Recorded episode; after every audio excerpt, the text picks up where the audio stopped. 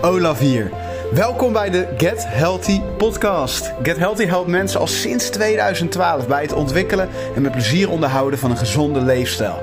Dat is onze missie en ik hoop dat de Get Healthy podcast afleveringen jou mogen gaan inspireren om nog beter te zorgen voor de belangrijkste persoon in jouw leven, jijzelf. Nu, zonder verdere introductie, laten we starten met de aflevering van vandaag.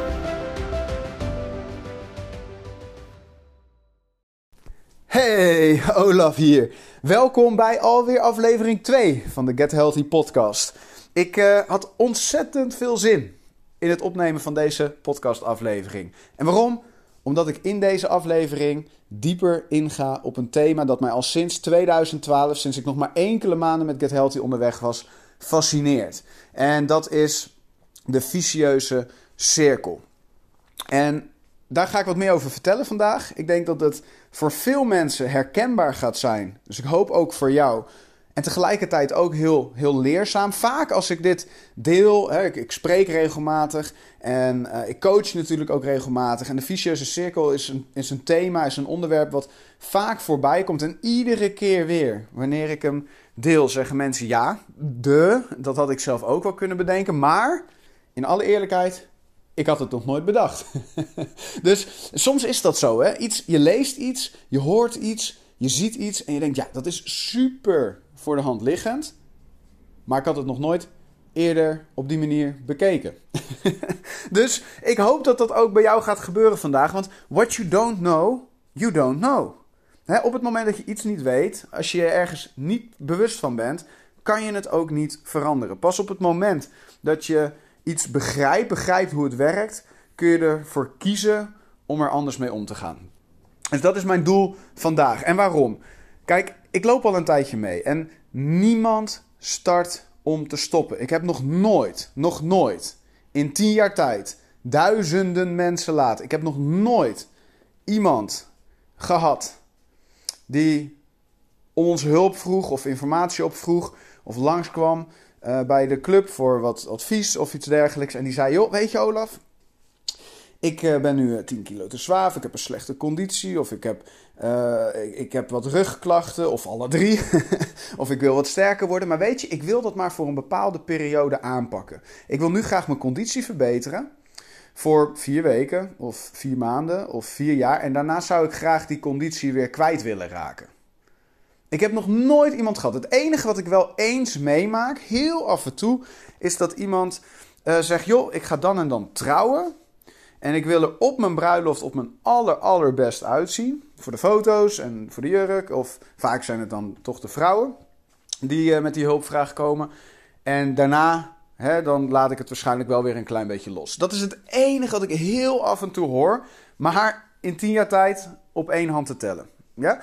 Dus al die andere mensen die uh, bij ons begonnen zijn, of dat nu is in de club of met uh, het Lifestyle Change afvalprogramma of met een van onze andere programma's, of met voedingsadvies of wat dan ook, iedereen die begon, die startte niet, let op, niet met de intentie om te stoppen. Ze starten, ze zijn gestart met de intentie om echt iets blijvend te veranderen. En toch en toch stoppen de meesten in ieder geval ergens in het proces een keer. Sommigen weten gelukkig, veel mensen weten gelukkig de weg terug te vinden. Maar ze verliezen op een gegeven, op een gegeven moment focus, haken af, uh, gaan weer andere dingen doen. Vaak niet gerelateerd aan het doel waarvoor ze kwamen. Hè? Dus, dus ze gaan niet in één keer ergens anders sporten of zo. Dat zien we eigenlijk, eigenlijk nooit. Dat gebeurt natuurlijk wel. Hè? Sommige mensen die uh, gaan e-, elders sporten. Maar de meeste mensen die starten bij ons niet met de intentie om te stoppen. Maar toch stoppen ze op een bepaald moment. In ieder geval voor een bepaalde periode. En daar kwam ik dus al vrij snel achter. Ik was, ik was gedreven. Ik had net mijn leefstijl veranderd. Ik was 20 kilo afgevallen. Ik was super enthousiast. En ik dacht, ik ga iedereen helpen. En als iemand bij ons start, dan stoppen ze nooit meer. Want gaat leuk worden en we gaan dit samen doen. Uh, maar zo waar, hè, binnen enkele maanden nadat ik uh, begonnen was en ik werkte met mensen als personal trainer, toen zei iemand tegen mij: Olaf, joh, ik voel die motivatie niet echt meer. Ik, ik denk dat ik toch stop. En ik was flabbergasted. Ik snapte daar helemaal niks van. Ik bedoel, ik was ook te zwaar geweest. Ik had ook heel lang niet de drive gehad. Maar ik was nu zo enthousiast dat ik dacht: ja, weet je, iedereen wil dit toch? Iedereen wil meer energie. Iedereen wil lekker erin zijn vel zitten of haar vel zitten. Iedereen wil meer conditie. Iedereen wil minder uh, pijn in de onderrug. Iedereen wil sterker worden. Iedereen wil dit toch? En waarom stop je dan? Dus dat, dat, dat, dat raakt me echt. Waarom stop je? Dit is toch niet de beste keus voor jou? Ja, maar ik ben druk en dit en dat en zus. En hij stopte. En dat uh, gebeurde niet één keer. Hè, dat was niet alleen, gebeurde niet alleen bij deze persoon. Dat is nog, nou ja, daarna honderden keren gebeurd. En dat fascineerde mij. Dat fascineerde mij. Waarom doen wij wat we doen vaak tegen beter weten dus we weten heel goed. Als ik jou nu vraag, wat is het beste voor jou? Netflixen of lekker gaan sporten? Als ik jou vraag, wat is het beste voor jou? Frisdrank drinken met suiker of water? Als ik vraag, wat is het beste voor jou? Op tijd naar bed of doorhalen? Als ik vraag, wat is het beste voor jou? Geduldig zijn met je kinderen en plezier maken met je partner? Of kort af zijn tegen je kinderen en ruzie maken met je partner?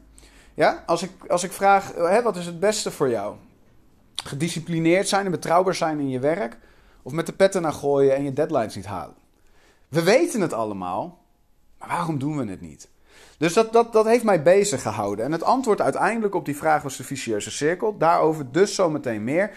Niemand start om te stoppen. En als je pen en papier bij de hand hebt, schrijf het alsjeblieft op voor jezelf, zodat je het nooit meer vergeet. Niemand start om te stoppen. Je start niet met een cursus of een opleiding of het lezen van een boek om uiteindelijk daar weer mee te stoppen.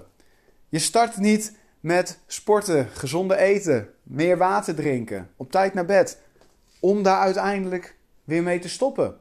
Je start, je begint niet aan een huwelijk om uiteindelijk uh, te gaan scheiden. Dat, begin, dat is nooit de intentie aan het begin. Het is niet zo dat je zegt: hé, hey, ik vind jou best wel leuk voor nu, laten we trouwen.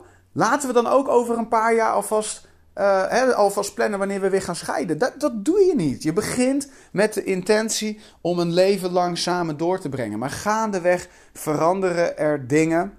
En daar ga ik nu niet te diep op in, want dat is niet mijn rol. Dat is niet het doel van deze aflevering. Maar er veranderen dingen waardoor je nieuwe keuzes gaat maken. En soms is dat een betere keuze voor je. Vaak is dat een minder goede keuze voor je. Ja, want ik zeg altijd, als het gras groener lijkt, en dan heb ik het niet over relaties, maar over alles. Als het gras groener lijkt, is het vaak kunstgras. Meestal als we gewoon luisteren uh, naar wat het beste ons is, ons eigen advies, dan, dan maken we de betere keuzes. Maar wat, dat negeren we vaak in het moment. En waarom? Alright, here we go. Hier gaan we. Als je nogmaals pen en papier bij de hand hebt, dan wil je waarschijnlijk meeschrijven. Heb je die niet bij de hand, luister dan mee en uh, zorg dat je op een later moment, dat je alvast inplant wanneer je deze podcastaflevering gaat terugluisteren. Uh, zodat je TCT alsnog die notities kan maken. Want dit is echt, als je dit gaat begrijpen, dan is het echt super. Dan kan het life-changing zijn. Levensveranderend. En ik zeg altijd: hey, you don't know what you don't know.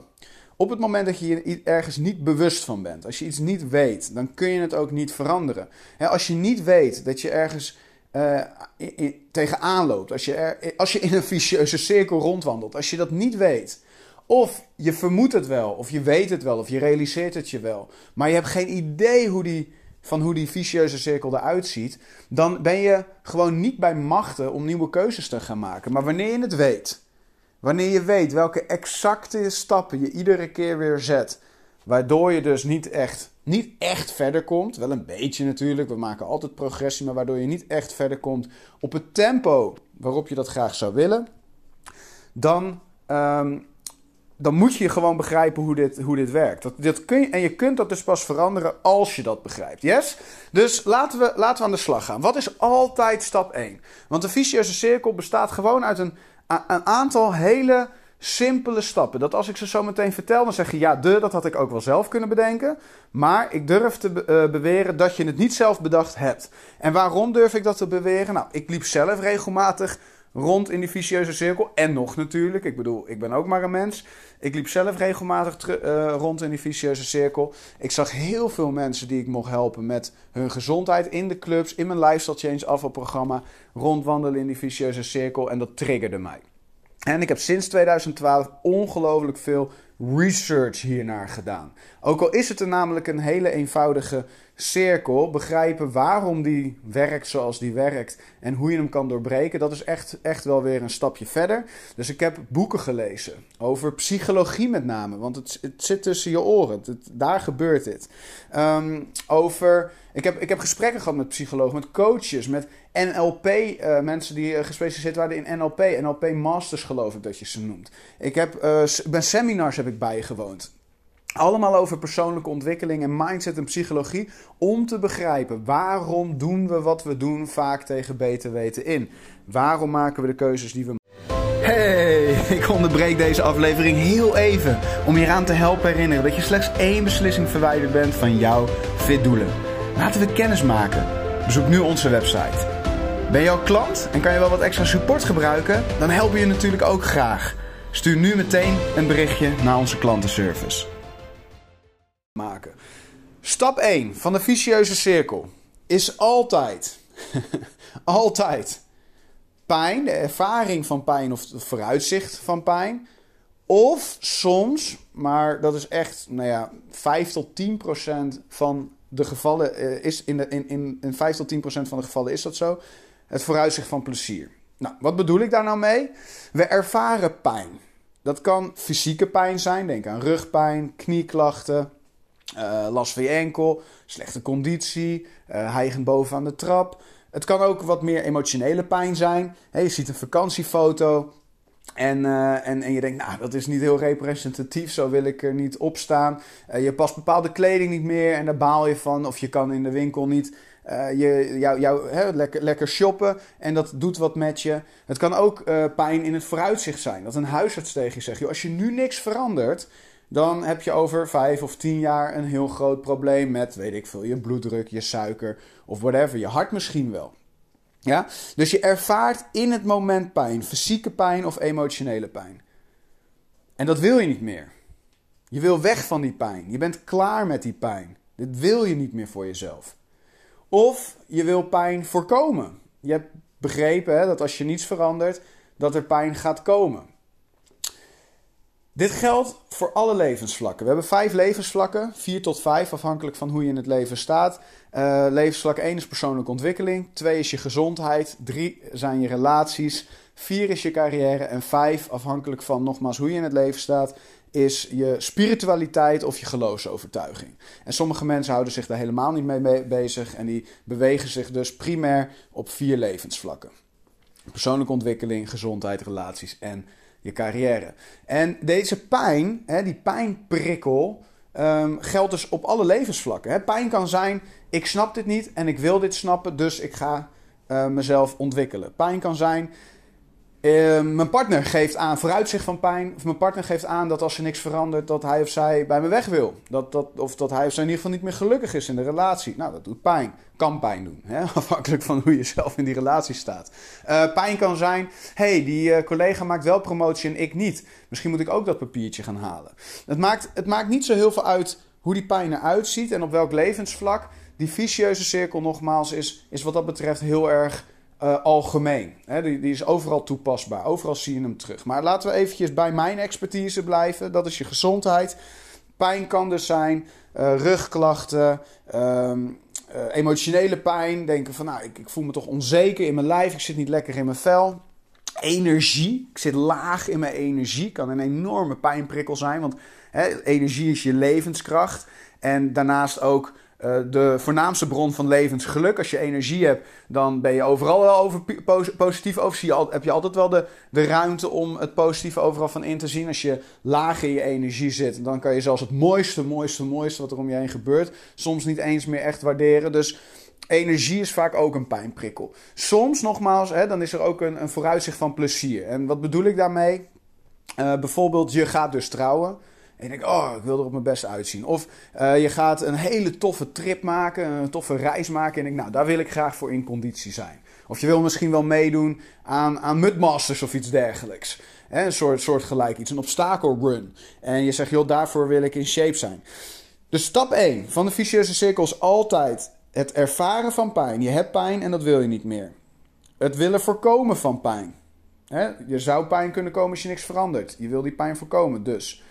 Of het vooruitzicht van plezier. Je wil ergens graag heen werken, maar dat is maar 5 tot 10, in 5 tot 10 procent van de gevallen is dat het geval.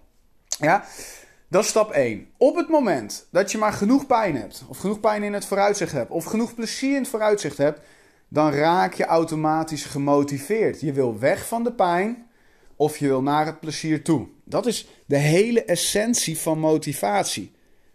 Dat is de hele essentie van motivatie. Motivatie is niks meer dan ergens vandaan willen, heel graag, of ergens naartoe willen, heel graag. Dat is motivatie. En op het moment dat iemand gemotiveerd is, dan doet hij, naam, dan doet hij altijd één bepaald iets. Hij of zij komt in actie.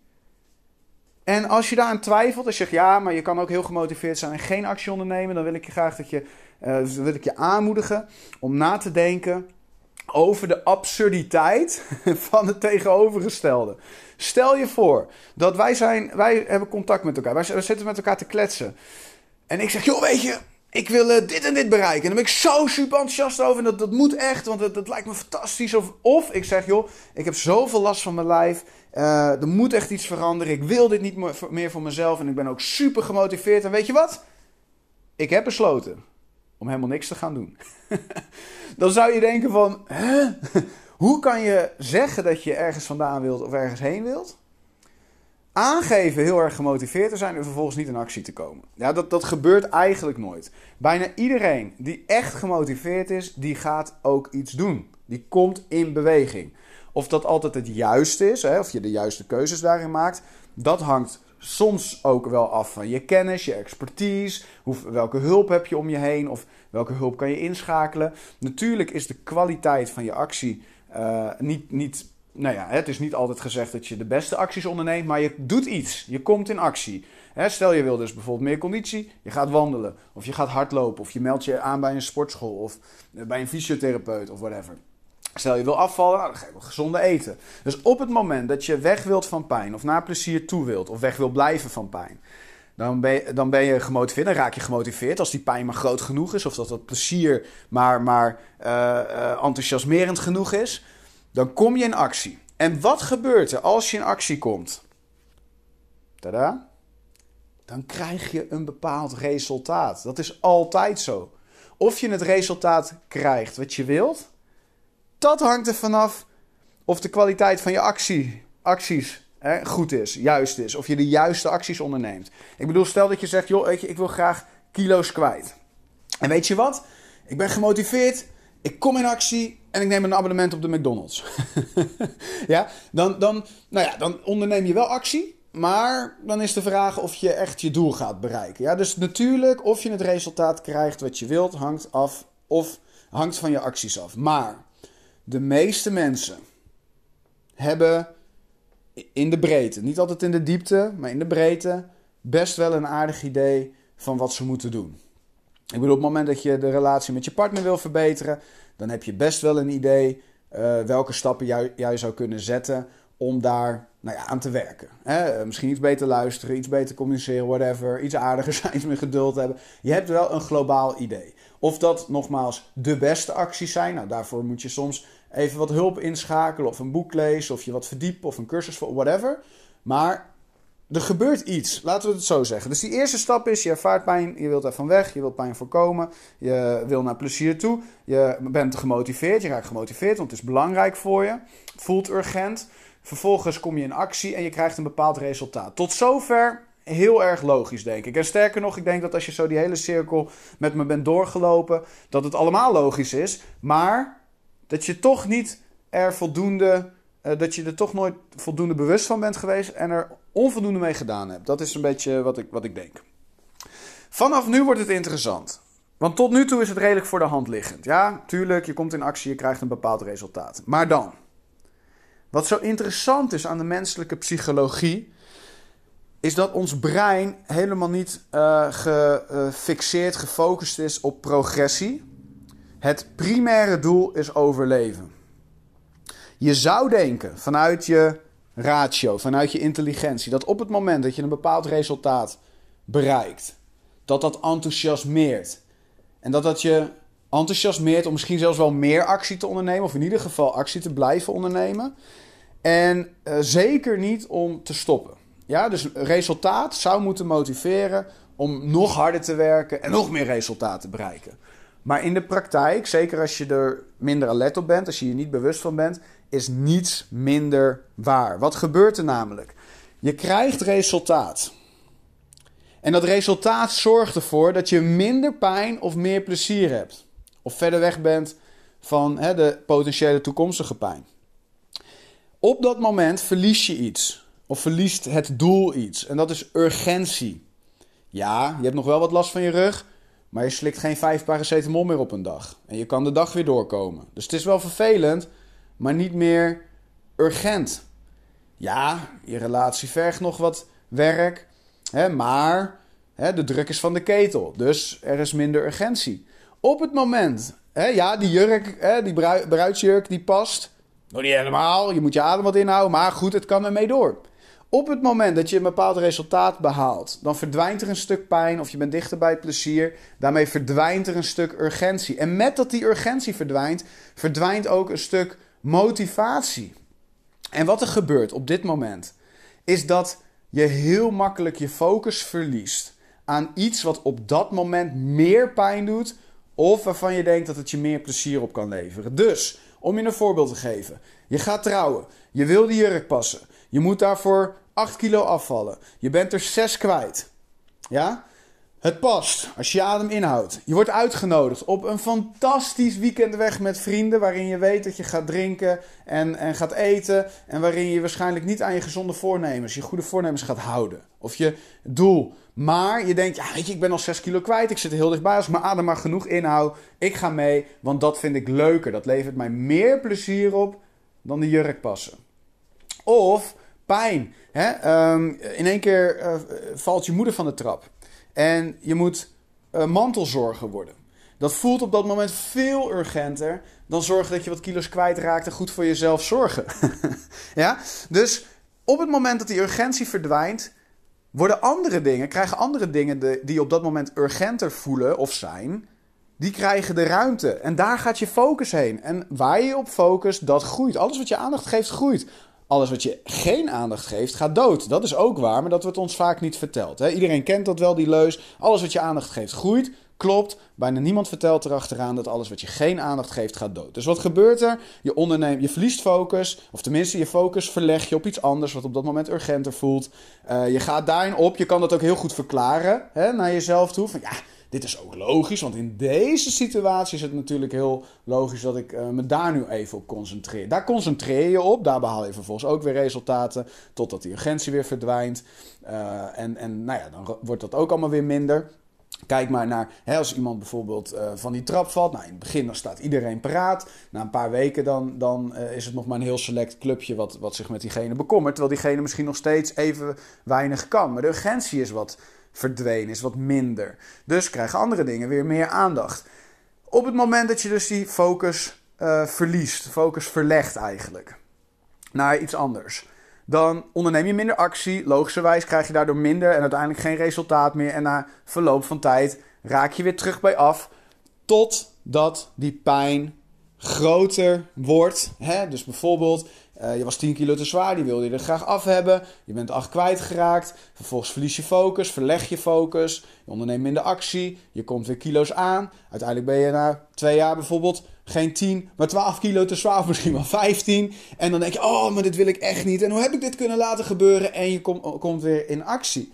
En dit is de vicieuze cirkel waar zoveel, waar eigenlijk bijna iedereen, zeker de, als je hier nooit bewust van bent geweest, waar zoveel mensen in rondwandelen en rondwandelen en rondwandelen en rondwandelen. Niemand start iets om te stoppen. En toch doet bijna iedereen het. En dit is waarom. En ik geef nu een hele simpele uh, samenvatting bijna van iets wat psychologisch best complex is. Uh, dat misschien een keer voor een latere podcastaflevering. Misschien nodig ik daar dan ook wel een expert bij uit die er nog meer over kan vertellen. Hoe dit op breinniveau werkt. Ehm, waar dit nou precies vandaan komt. Maar uh, neem alsjeblieft van mij aan dat dit, dat dit de waarheid is op, op gebied van, het, van die vicieuze cirkel. En als jij dus merkt in je leven dat je iedere keer weer op bepaalde levensvlakken. En dat kan ook elkaar afwisselen. Hè? Je kan ook een beetje van levensvlak naar levensvlak wandelen. En iedere keer op een ander levensvlak weer deze vicieuze cirkel doorwandelen. Maar als je nou merkt dat je dus iedere keer in die cirkel rondwandelt. En dat je daar eigenlijk een beetje kriegel, van wordt. Want dat was voor mij een reden om te veranderen. ik dacht, ik word hier kriegel van. Ik ben hier een beetje klaar mee. Dus iedere keer heel hard eraan trekken voor tijdelijk resultaat. Nou, niemand wil dat toch? Je wilt toch uiteindelijk definitieve progressie?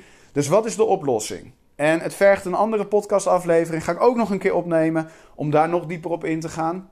Want dat is weer een heel verhaal en ik wil deze podcastaflevering een beetje behapbaar voor je houden. Maar de oplossing, en, en dit is echt de samenvatting, dus het klinkt nu te simpel en dat is het ook. Maar de oplossing uiteindelijk, als je dat helemaal uitkleedt, is dat je actie gaat ondernemen met oog op het resultaat. En nogmaals, daar kan ik nog een heel verhaal omheen vertellen, want hoe doe je dat dan? Het is makkelijker gezegd dan gedaan, absoluut. Het is zeker makkelijker gezegd dan gedaan. Alleen op een gegeven moment moet je het besluit nemen. En dat is de enige manier. Je moet niks van mij, maar je moet het willen. op een gegeven moment moet je jezelf gunnen dat je zegt: hé, hey, ik ben klaar met dat rondwandelen in die eindeloze vicieuze cirkel. En iedere keer weer mijn neus stoten tegen dezelfde muur. Ik ga nu op het gebied van mijn gezondheid twee tot drie acties consistent ondernemen, ongeacht hoe ik me voel, ongeacht wat er om me heen gebeurt, ongeacht wat allemaal pijn doet en hoeveel plezier ik ergens aan kan ervaren. Ik ga twee tot drie acties ondernemen, consistent, met oog op het resultaat wat ik wil bereiken. En dat is bijvoorbeeld fit ouder worden. Of uh, slank zijn. Of een bepaalde basisconditie hebben zodat je in bepaalde dingen mee kan komen. Dat doet er niet toe. Uiteindelijk is het jouw doel. Is, is, is het ook, hè? iedereen is anders daarin. Alleen op een gegeven moment is dat de enige oplossing. En dat geldt op alle levensvlakken. Dat geldt op persoonlijke ontwikkeling. Ik lees minimaal, weet ik veel, één boek per kwartaal. Dat doe ik gewoon altijd, ongeacht hoe ik me voel, ongeacht de werkdruk. ook, ook al ga ik verhuizen. Ik neem de tijd om per kwartaal één boek te lezen. Omdat ik dat belangrijk vind, zodat ik me kan ontwikkelen. Ik ehm, zorg dat ik mijn telefoon altijd aan de kant leg op het moment dat ik met mijn partner samen ben. Zodat ik present kan zijn. Die laat ik achter in een, in een telefoonkluisje. Of misschien zelfs in de auto of op mijn werk. Ja? Uh, en dat doe ik. Ongeacht hoe ik me voel, ongeacht en ik zeg niet dat ik dat nu doe. Hè? Dat is niet wat ik nu claim. Ik heb uh, nog honderdduizend verbeterpunten waar ik aan kan werken. Dus het is echt niet alsof ik hierin uh, uh, zelf het aller, aller, allerbeste voorbeeld ben. Er zijn vast mensen die gedisciplineerder zijn. Maar wat mij enorm heeft geholpen in de afgelopen tien jaar... is dat ik me A, realiseerde hoe die vicieuze cirkel werkte. Hè? Welke wandelingen ik iedere keer maakte. En dat ik me nu veel bewuster ben van dat patroon. En dat ik dus een aantal acties consistent weet te ondernemen met oog op het resultaat wat ik, wat ik wil. Waardoor ik dus een veel, ja, ik, ik vind een veel rustiger uh, ja, resultaat met name heb. Niet elke keer die eh, fluctuaties, die enorme ups en downs. Niet iedere keer weer die teleurstellingen waar je dan ook mee te maken krijgt. Maar gewoon consistente progressie. Want de afgelopen tien jaar heb ik het iedere keer, ieder jaar eigenlijk weer weten te presteren. Om mijn jaardoelen te bereiken. Om een stapje verder te komen. En waarom? Ik stel elk jaar twee tot drie jaar doelen. Ik heb nog nooit een jaar gehad waarin ik die niet bereikte. Toen ik mijn boek wilde schrijven, schreef ik mijn boek. Toen ik een tweede club wilde openen, opende ik een tweede club. Ieder jaar weer is het gelukt. En waarom? Omdat ik deze vicieuze cirkel tien jaar geleden heb mogen ontdekken. En vaker dan niet heb weten te doorbreken. Ik hoop dat dit voor jou wat dingen duidelijk heeft uh, uh, gemaakt. Als je vragen hebt, je bent altijd welkom. Ik denk altijd graag met je mee. Uh, ben je al lid bij Get Healthy? Uh, en zou je het tof vinden als ik een keer een eventje organiseer waarin uh, we dieper op dit soort dingen ingaan? be my, laat het me weten, be my guest. En als je nog geen lid bent van Get Healthy, alleen je hebt zoiets, nou, hè, ik ben wel nieuwsgierig naar wat jullie voor me kunnen betekenen. Dan weet je ons waarschijnlijk wel te vinden via de website of je kan ons een e-mailtje sturen info at get-healthy.nl. Voor nu, geniet nog van je dag en denk even na. Wat wil je veranderen en welke acties zou je consistent, maximaal 1 tot 3, anders is te veel. Je kunt uh, niet alles tegelijk uh, doen. 1 tot 3 acties. Welke acties zou je structureel kunnen ondernemen om dat voor elkaar te boksen? Zet hem op en tot de volgende aflevering. Hey, Olaf hier om deze aflevering nog even knallend met je af te sluiten. Ik hoop dat je je opgeladen voelt, energieker en ik wil je een geweldig vervolg van je dag wensen. Mocht deze aflevering je geïnspireerd hebben, vergeet deze aflevering dan niet te delen met de mensen van wie jij gelooft dat ze er iets waardevols uit kunnen halen. Alvast bedankt en tot de volgende aflevering.